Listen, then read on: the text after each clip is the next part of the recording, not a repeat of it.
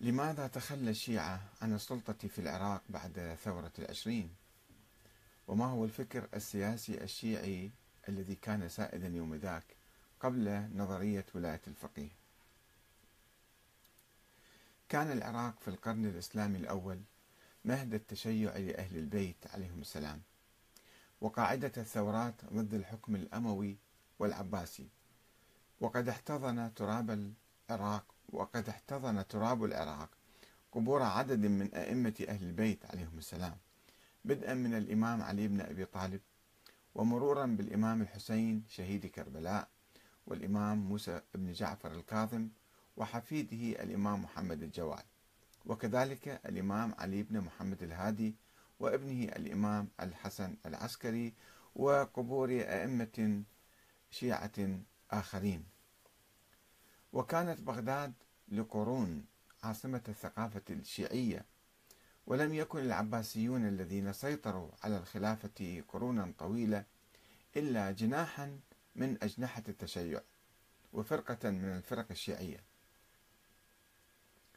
كان ذلك قبل أن تتبلور الأحزاب الإسلامية كطوائف وقبل أن تطغى الفرقة الاثنى عشرية على التيار الشيعي العام. وعندما ورثت هذه الفرقة تراث فصيل من تيار الشيعة الإمامية هم الموسوية القطعية. بعد وفاة الإمام الحسن العسكري كانت قد فقدت رمزها السياسي من أهل البيت في ظل غيبة الإمام الثاني عشر محمد بن الحسن العسكري ولم يعد لهم إمام. ولذلك فقد فشلت في القضاء على العباسيين بالرغم من سيطرة المؤيدين لها من آل بويه على مقاليد السلطة في القرنين الرابع والخامس الهجريين في ظل الدولة العباسية. ومع التزام الفرقة الاثنى عشرية بنظرية الانتظار للإمام الغائب كان عليها أن تنزوي عن الحياة السياسية وتصبح مجرد نظرية سياسية تاريخية. وبالتالي تفقد جماهيرها الواسعة. بيد أن قيام الحكم الصفوي في بلاد فارس في القرن العاشر الهجري واعتناقه للعقيدة الاثنى عشرية واستيلائه على العراق عدة مرات أعاد الأمل والحيوية إلى الفرقة الاثنى عشرية وساعدها على الانتشار في العراق في وقت لاحق مرة أخرى. وخاصة بعد سقوط الدولة الصفوية في إيران عام 1722 ميلادية.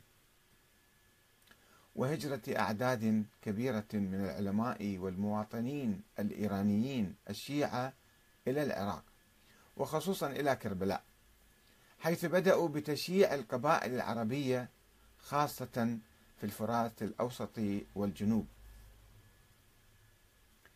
في تلك الأثناء كان الفكر السياسي الشيعي يتطور ويتقدم خطوة كبيرة إلى الأمام بقبول علماء الشيعة منذ أيام الشيخ علي عبد العالي الكركي الذي توفي سنة 940 هجرية في القرن العاشر الهجري قوله بنظرية النيابة العامة عن الإمام المهدي نيابة الفقهاء العامة عن الإمام المهدي.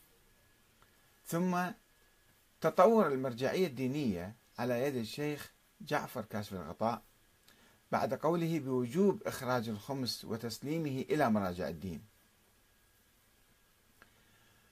وشهد الفكر السياسي لمراجع الدين حالات من التعاون والتنسيق بين المراجع وسلاطين الشيعة الصفويين والقاجاريين في إيران وإعطائهم الشرعية الدستورية.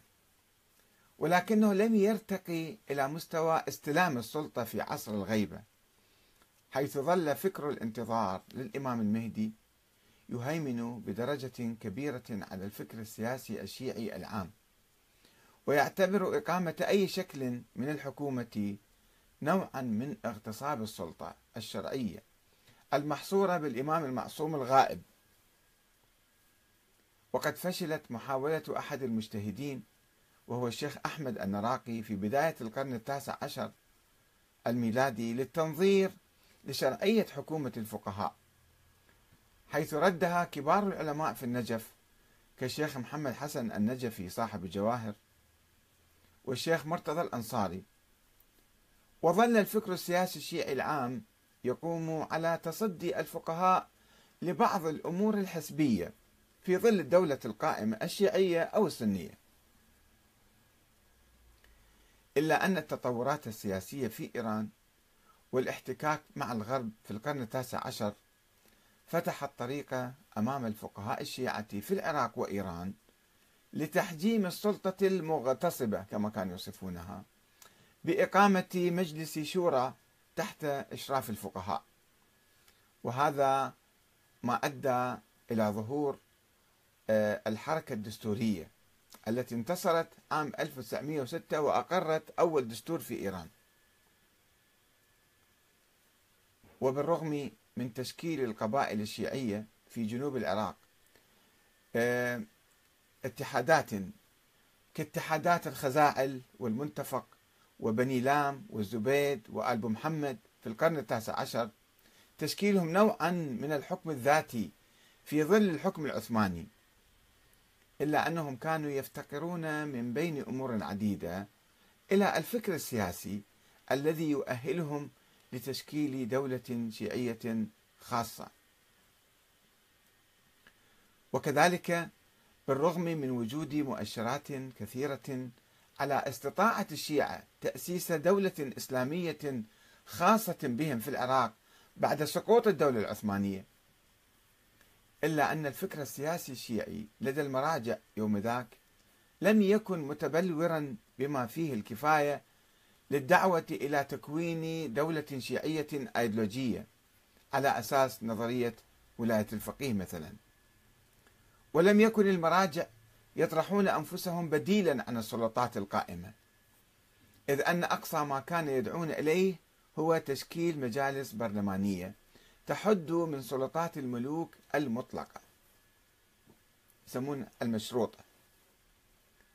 وعندما استفتى الحاكم البريطاني للعراق بعد الحرب العالمية الأولى آه، السير ويلسون استفتى الشعب العراقي عما يريده وخيره بين الاستقلال أو التبعية التبعية الكاملة لبريطانيا يعني أو دولة الهند ذيك الأيام حكومة الهند يعني آه، حكومة الهند البريطانية. آه، عندما استفتى هذا الحاكم الشعب العراقي. دعا علماء الشيعة الشعب العراقي إلى التصويت على الاستقلال وتكوين دولة وطنية.